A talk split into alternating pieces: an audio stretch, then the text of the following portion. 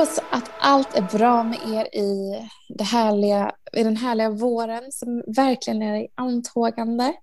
Eh, Väst-podden är tillbaka torsdag, precis som vanligt. Och jag heter Mikaela Berglund och är vd på Feminvest och brinner för att uppmuntra tjejer runt eh, ägande på olika sätt.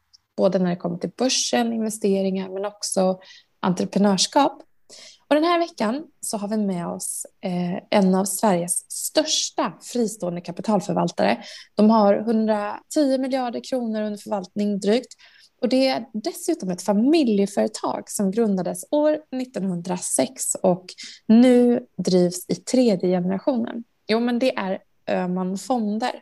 Och vi har med oss Anna Dahlstedt som jobbar som en av fem förvaltare eh, inom de globala aktierna på Öhman Fonder. Anna, så fint att få prata lite med dig om eh, både trender och hur ni jobbar framåt. Ja, men jättekul att få vara här och berätta lite. Och jag skulle vilja ge lite bakgrundsfakta eh, så runt Öhman eh, för att de har det globala aktieteamet förvaltat tillsammans tre fonder. Det är Öhman Global Hållbar, Öhman Global Småbolag Hållbar och Öhman Global Growth. Och där har då eh, fem förvaltare tillsammans ett sektoransvar. Anna, du började på Öhman 2019. Kan inte du berätta hur det kom sig att du, att du började arbeta på, på fondbolaget? Eh, ja, men absolut. Ehm, att, att arbeta med aktier och investeringar, det är egentligen någonting som jag alltid velat göra, ända sedan jag var ung. Så att det var därför jag efter gymnasiet började på Handelshögskolan här i Stockholm och eh, inriktning finansredovisning och efter handel så sökte jag mig mot equity research. Så att innan jag kom hit till Öhman då arbetade jag som aktieanalytiker eh, på Handelsbanken Capital Markets. Och efter att ha sett branschen från analytikersidan då som, som sell-side-analytiker så kändes det som ett naturligt nästa steg att börja på förvaltarsidan.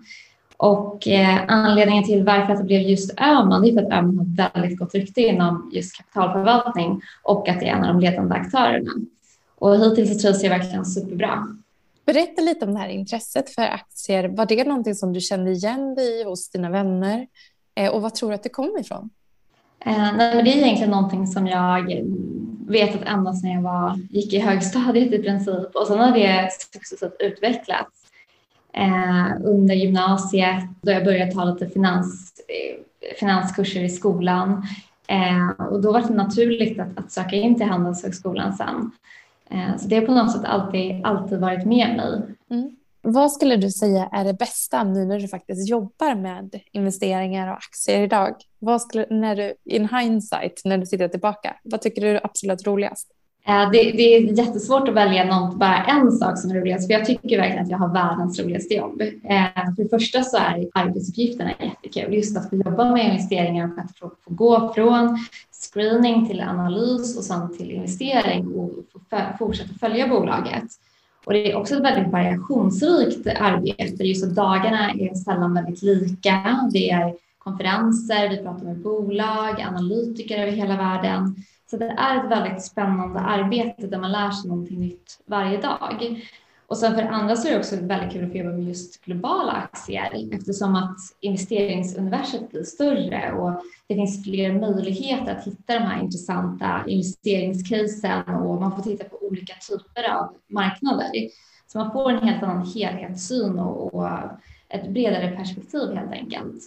Eh, och sen för det tredje så trivs jag väldigt bra med teamet och med resten av mina kollegor och det är väldigt stimulerande att få arbeta nära så duktiga personer eh, och att man utvecklas själv varje dag. Så att det är en väldigt trevlig miljö här just eh, och samtidigt också som att alla är väldigt kompetenta inom sitt område. Mm. Du berättade lite att du trivs väldigt bra med dina kollegor och i Eh, Öhman som företag, att man har ett gott rykte och så vidare i branschen. Men skulle du säga att det finns någon, eh, någonting specifikt som utmärker Öhman om man tittar från ett, ett förvaltningsperspektiv? Ja, eh, jag skulle säga det som framför allt utmärker oss det är att vi enbart jobbar med kapitalförvaltning och det här ger ju oss ett, ett oslagbart fokus. Eh, och vi har det här fokuset som krävs för att leverera en, en långsiktig robust avkastning till våra kunder. Och sen är också någonting som gör eh, Urban Unikt är ju funnits som du nämnde i början väldigt länge. Just att det här kan vi verkligen prata om en, en, en långsiktighet och vi har stabila och tydliga ägare och är ett etablerat företag. Eh, och en annan sak som utmärker oss skulle jag också säga att vi har ett hållbarhetsfokus som genomsyrar hela eh, organisationen och framförallt för förvaltningen. Eh, vi, och vi har arbetat aktivt med hållbarhetsfrågor ända sedan 1990-talet och då var vi faktiskt först med etiska aktiefonder. Eh, så det här är något vi kommer fortsätta att arbeta med, just den här långsiktigheten och ansvarsfullt. Ja, men det är väldigt intressant att ni var så tidiga. Jag vet också att ni, alla era fonder är fossilfria exempelvis. Eh, så ni har liksom lite olika, ganska tydliga värden som styr just hållbarhetsarbetet. Ja, precis. Om vi tittar på, på de sektorerna som du eh, cover eller kikar på. Eh, vill du berätta lite om, om, om dem? Ja, men absolut. Eh, jag tycker, eller vi, för att ge lite bakgrund så, så är vi som sagt fem personer och vi har valt att dela upp ansvaret ehm, så att alla har, man, man har ett definierat sektoransvar där man ansvarar för en eller flera sektorer på en global basis. Eh, och tillsammans då förvaltar vi våra tre aktivt förvaltade globala fonder. Eh, och den sektorn som jag ansvarar för det är fastighetssektorn, eh, vilket jag tycker är väldigt intressant, intressant sektor. Sen har jag även tittat en del på eh, husdjursmarknaden vi, ehm, en annan sak som utmärker oss skulle jag säga, vår eh, förvaltningsstrategi är att vi arbetar klimatiskt och det här är en väldigt central del i, i, i investeringsprocessen, just att vi funderar på vilka bolag är som gynnas eller för den delen missgynnas av långsiktiga trender och förändringar i samhället som har en ekonomisk påverkan. Och en av de här trenderna som vi, vi har identifierat som vi tycker är väldigt intressant är just husdjurs marknaden och det här med pet parenting och humanisering av husdjur. Eh, så den tittar jag även en del också på. Ja, men så, det är ju jätte, varit en enorm tillväxt eh, inom det här segmentet och vi, vi lägger mer pengar på våra husdjur än våra barn för.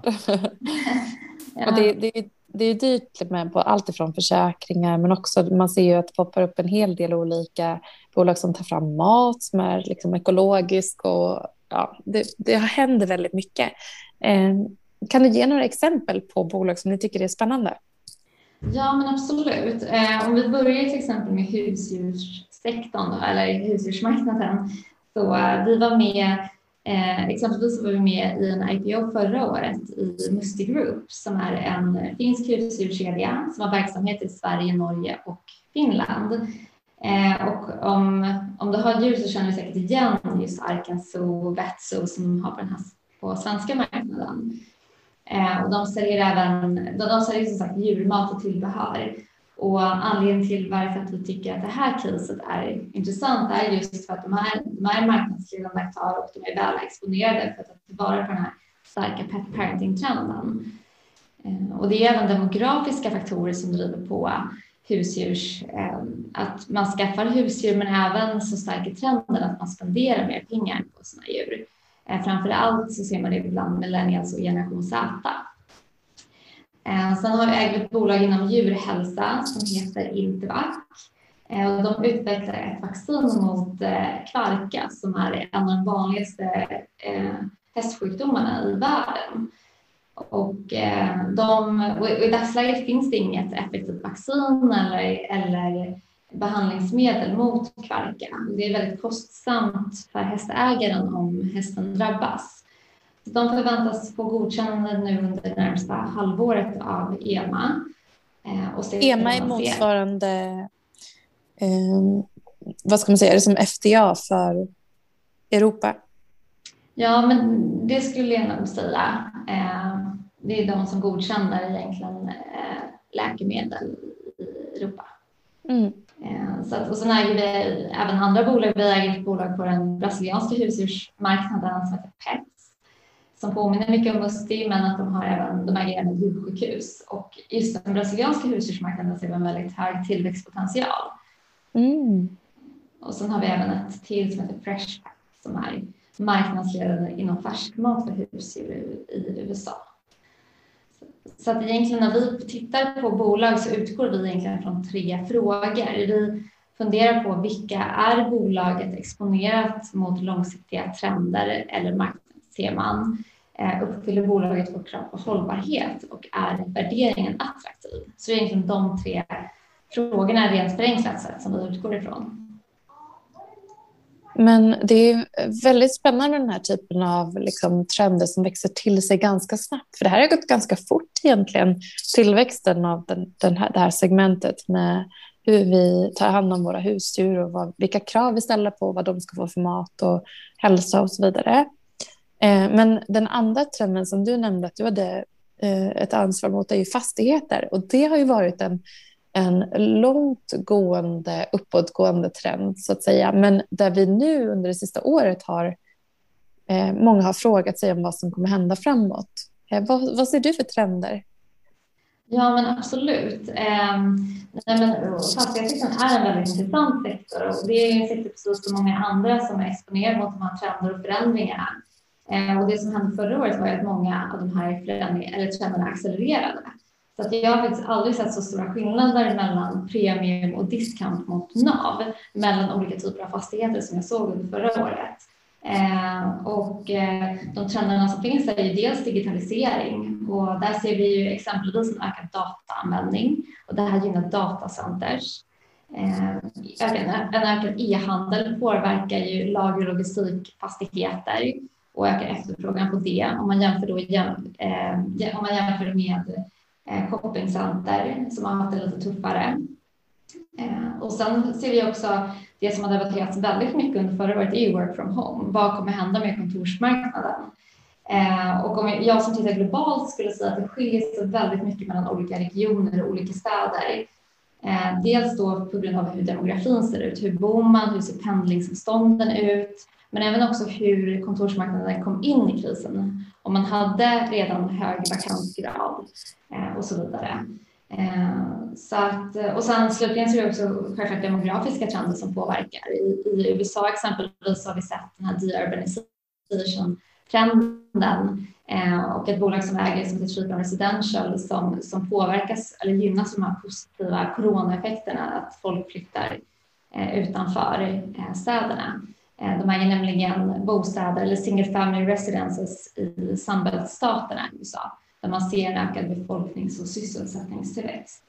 Så det är, det är som sagt en väldigt, väldigt intressant sektor och eh, det är mycket som, som diskuteras vad, hur den kommer att utvecklas. Ja, intressant. Jag tänker också, vi har ju, för den som kommer ihåg i 2008, där finanskrisen som drabbade fastighetsmarknaden, eh, globalt så är det också en stor skillnad att vi, vi har inte alls samma belåning. Man är väldigt mycket försiktigare när det kommer till att belåna fastighetsaffärer idag än vad man var tidigare. Och även i Sverige har vi sett både en reglering mot kommersiella fastigheter men också mot eh, privatägande.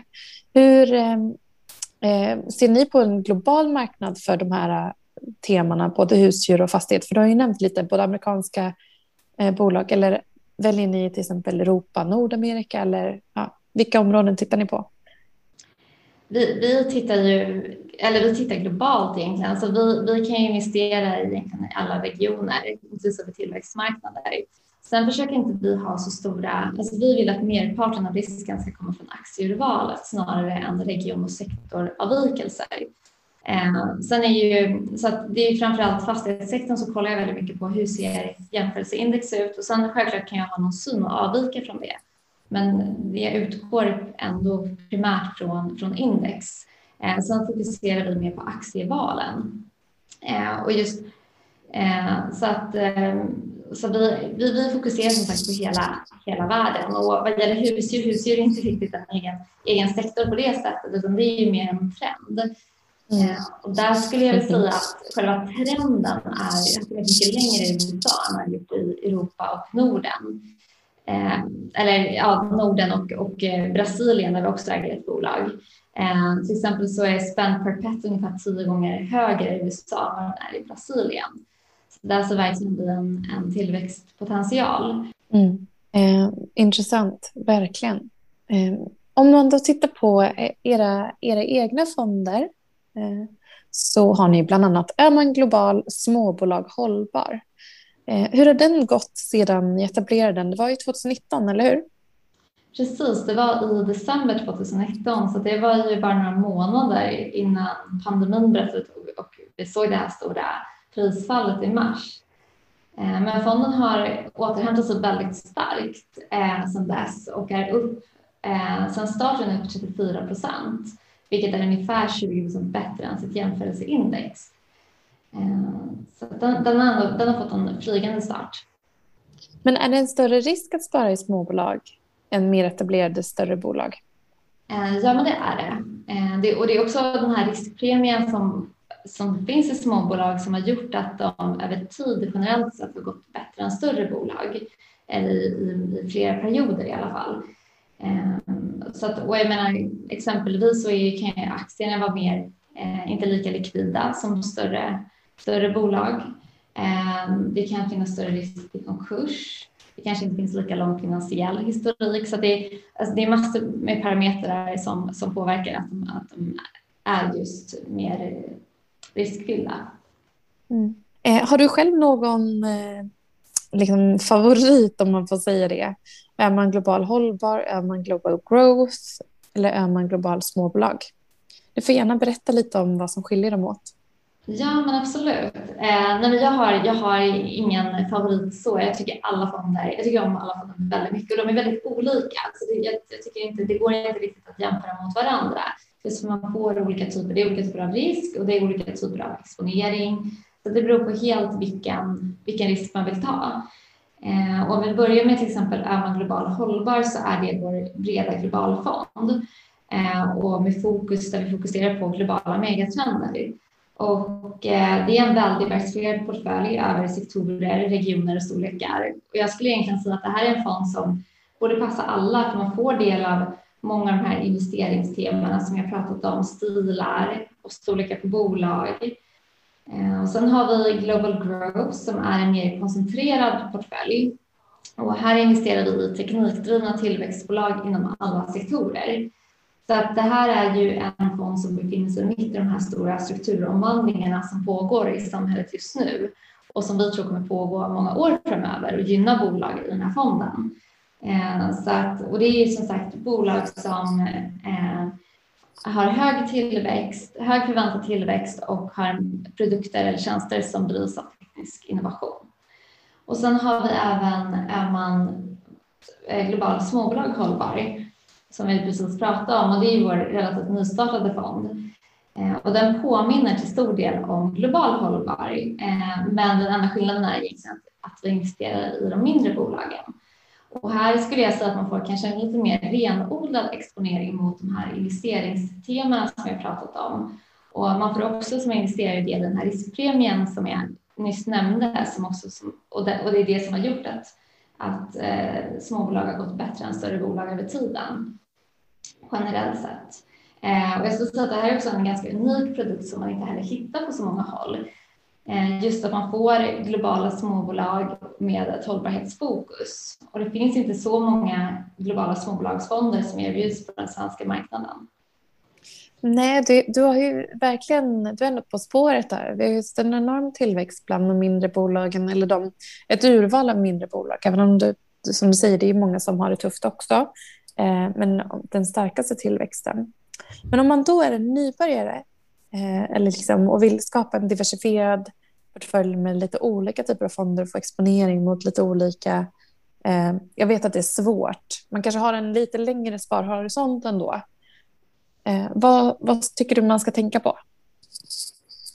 Eh, nej men självklart ska man tänka på saker som i alla typer av investeringar. Vilken risk vill man ha? Vilken exponering? Vilken placeringshorisont? Alltså vad, vad är ändamålet med eh, investeringen? Eh, och sen eh, tycker jag det är viktigt att tänka på också den här fördelen som man också får med just globala fonder, att man får den här riskspridningen, en geografisk diversifiering som man inte riktigt får om man investerar i en specifik landfond, eh, som en Sverigefond exempelvis. Så det kan utgöra en, en bra bas. Och det gäller ju även sektorfördelning eh, också. Eh, just att man, det, man får en bredare diversifiering om man eh, investerar i en fond som som investerar i alla sektorer jämfört med en specifik branschfond exempelvis. Och sen tror jag också det kan vara bra att, att det bästa sättet att lära sig är att, att börja spara och att följa fonderna och utvecklingen. Och det kan vara bra sätt att kanske månadsspara för då snittar man in sig. Man köper inte allting på en kurs. Um. Komma igång. Ja, det är det absolut. Det, det bästa sparandet är det sparandet man gör, brukar man ju säga. det ligger mycket i det. Ja, men exakt. Och jag, tycker, jag håller med dig om att en, en fond som har en global exponering är ju...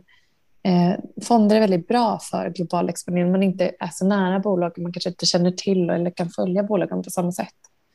Eh, så är det väldigt bra med att, eh, att diversifiera genom att köpa in sig i en fond. Mm. Ja, precis. Fondåret 2020 som vi nu har lagt bakom oss, det känns ganska, kanske till och med ganska långt bort. Man är så målmedveten på att man vill att, att den här konsekvensen av pandemin ska liksom reduceras. Eh, men vad var utmärkande eh, från ditt perspektiv? Eh, ja, alltså från ett förvaltarperspektiv så var det ju minst sagt ett annorlunda men även ett spännande år och med mycket dramatik. Och just den här paniken som vi såg i mars som sedan övergick till en snabbt till köplust på bara någon månad och det var rea på aktier och vi såg en återhämtning, en stark återhämtning drivet av penning och finanspolitiska stimulanser. Eh, men det som jag skulle säga att man tar med sig, eller det som är utmärkande, det är framförallt den här utvecklingsförändringen eh, just trender som har varit med oss i några år, eh, men som accelererade och som är tema som kanske istället har tagit fem, tio års utveckling gick istället på ett år. Och samhällen blev tvungna att anpassa sig både frivilligt och ofrivilligt. Eh, och det är trender som kan, inom digitalisering, miljöteknik, teknik i hälsa, eh, och eh, det som vi också kan ta med oss det är kraften i likviditet och marknadens förmåga också att blicka framåt. Men också att börser och marknader kan överreagera. Och eh, det som var kul var ändå att alla våra aktivt förvaltade globala fonder gick bra under förra året, både absoluta och relativa tal. Och det är mycket drivet av att vi har den här tematiska ansatsen och fokuserar på långsiktiga strukturella trender. Mm. Och eh, det finns ju verkligen, och det, för den som var lite opportunistisk så fanns det väl, har man haft en ganska fin utveckling. Eh, även om det alltid är, även den mest rutinerade förvaltare eller investerare känner ju att det liksom, det, det, man får lite ont i magen när man ser fallen på börsen. Kommer du ihåg vad du gjorde de dagarna som, som det var, fallen var som allra störst?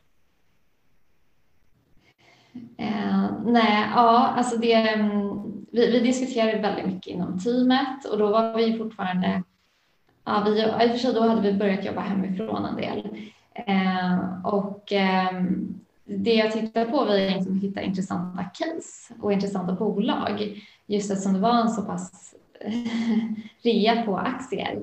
Ehm, så det var det jag fokuserade mest på. Mm. Ja, men det, var ett, det är ett bra tips att faktiskt också ha det med sig att när andra när alla andra blir rädda, det är liksom när alla andra är rädda, det är då man egentligen ska gå in om det har kommit ner lite i priser. Eh, så att man kan, då kan man göra bra affärer.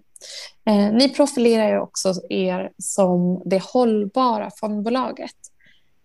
Och du berättar att ni började med etiska fonder på 90-talet. Hur arbetar ni med hållbarhet idag? För det är någonting som är väldigt efterfrågat ifrån, från våra lyssnare. Ja, eh, ja men vi har ju hållbarhet integrerat i förvaltningen. Eh, och vi har två personer som ingår i vårt ESG-team här på Amman och eh, som vi i förvaltningen då arbetar väldigt nära med. Eh, och så som processen går till eh, när vi tittar på bolag, det är att för det första så väljer vi bort bolag som bryter mot internationella, internationella normer och konventioner. Och vi har även flera exkluderingskriterier Exempelvis väljer vi bort bolag inom fossila bränslen, eh, bolag som producerar tobak, vapen eh, och så vidare. Eh, det är ett antal kriterier eh, där vi väljer bort bolag. Och sen det andra steget är att vi väljer in. Och hållbarhet är en väldigt central del i vår bolagsanalys och i förvaltarens slutgiltiga investeringsbeslut. Och det här går också lite hand i hand med vår tematiska eh, analys som jag nämnde tidigare. Just att många av de här investeringstemana som vi identifierar berör också några av världens största hållbarhetsutmaningar. Eh, och sen så försöker vi också undvika bolag med, med hög ESG-risk. Och ifall vi investerar i bolag med hög risk så vill vi att man ska hantera risken på ett bra sätt. Eh, och då gör våra, ifall också ett bolag har det, så gör våra ESG-analytiker en DD-process eh, och eventuellt så initierar vi en påverkansdialog. Eh, för vi kan även investera i bolag som har en hög risk nu, men där vi ser en förbättringspotential så vi kan vara med på den här hållbarhetsresan. Eh, vi kan även initiera en påverkansdialog om vi märker att bolaget brister har i sin verksamhet. Eh, och slutligen så har vi också löpande uppföljning och avstämningar med våra ESG-analytiker eh, för att diskutera våra innehav om någonting har ändrats. Det är väldigt intressant att fondbolagen är så aktiva som ägare. Det är väldigt bra. Eh, Men ni har ju, ni har ju ett väldigt stort kapital och kan som ägare påverka verkligen. Så det är väldigt intressant att höra att ni tar det ansvaret. Men, men du, eh, några sista råd eller tips Eh, för den som är nyfiken och eh, vill hitta bra affärer framåt här? Ja, eh, det är egentligen lite det jag nämnde tidigare, just att det är aldrig för sent att komma igång och spara. Och att också att man förstår, man förstår det man investerar i, vilken typ av risk, exponering och att det kan vara bra att kanske börja i några olika fonder, vilket också sprider riskerna. Och att det kan, det kan också vara bra på månadsspara just för man snittar in sig. Eh, och just fördelen också med globala och ha globala eh, aktier, globala fonder som bas, just man får den här geografiska riskspridningen, vilket man inte riktigt får i en specifik landfond. Mm. Och även exponering precis mot olika valutor och så vidare. Ja, men precis. Ja, vad roligt, vad spännande att höra. Eh, och eh, vad ser du fram emot det här året? Eh, ja, oj, ja, det är mycket man ser fram emot. Jag ser fram emot framförallt att pandemin, att vaccinationerna kommer igång och vi kan, eh, man kan ut och resa och samhällen öppnar upp. Eh, och även få träffa bolag och analytiker på riktigt och inte bara via, via Teams. Ja, men det förstår jag verkligen och jag kan skriva under på det. det är, man är väldigt utsvulten på sociala, på sociala relationer det har man verkligen. Även om man har, vi har ju verkligen fått ställa om och haft mycket fysiska träffar innan som var väldigt populära och nu fått ställa om till att träffas digitalt. Och det möjliggör också för, i alla fall i våra utbildningstillfällen, att tjejer som kanske inte hade, men bor på landet långt bort, som man kanske inte hade kunnat arrangera ett event för, få en möjlighet att delta. Så det är väldigt roligt. Man lyfter det positiva med liksom ett, den beteendeförändringen som ändå pandemin har drivit på. Eh, det ska bli jättespännande att följa er eh, framåt och eh, tack för att du delar med dig av lite både er historik och hur ni jobbar och vad ni ser för trender framåt. Jättespännande, verkligen. Ser fram emot att följa dig eh, som förvaltare. Tack så jättemycket och tack så mycket för att jag fick eh, komma hit. Ha det så bra.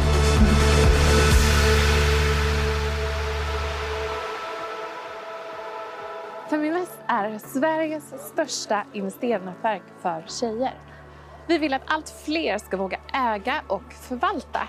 Och hur gör vi då detta? Jo, vi vill inspirera, utbilda och utmana runt ägande, investeringar och entreprenörskap. Följ Feminvest på våra kanaler Facebook, Instagram, Youtube varje vecka så kommer vi även ut med en podd och du kan ju självklart även följa nyheterna som publiceras på feminvest.nu. Det är bara att söka på Feminvest på samtliga kanaler så hittar du till oss.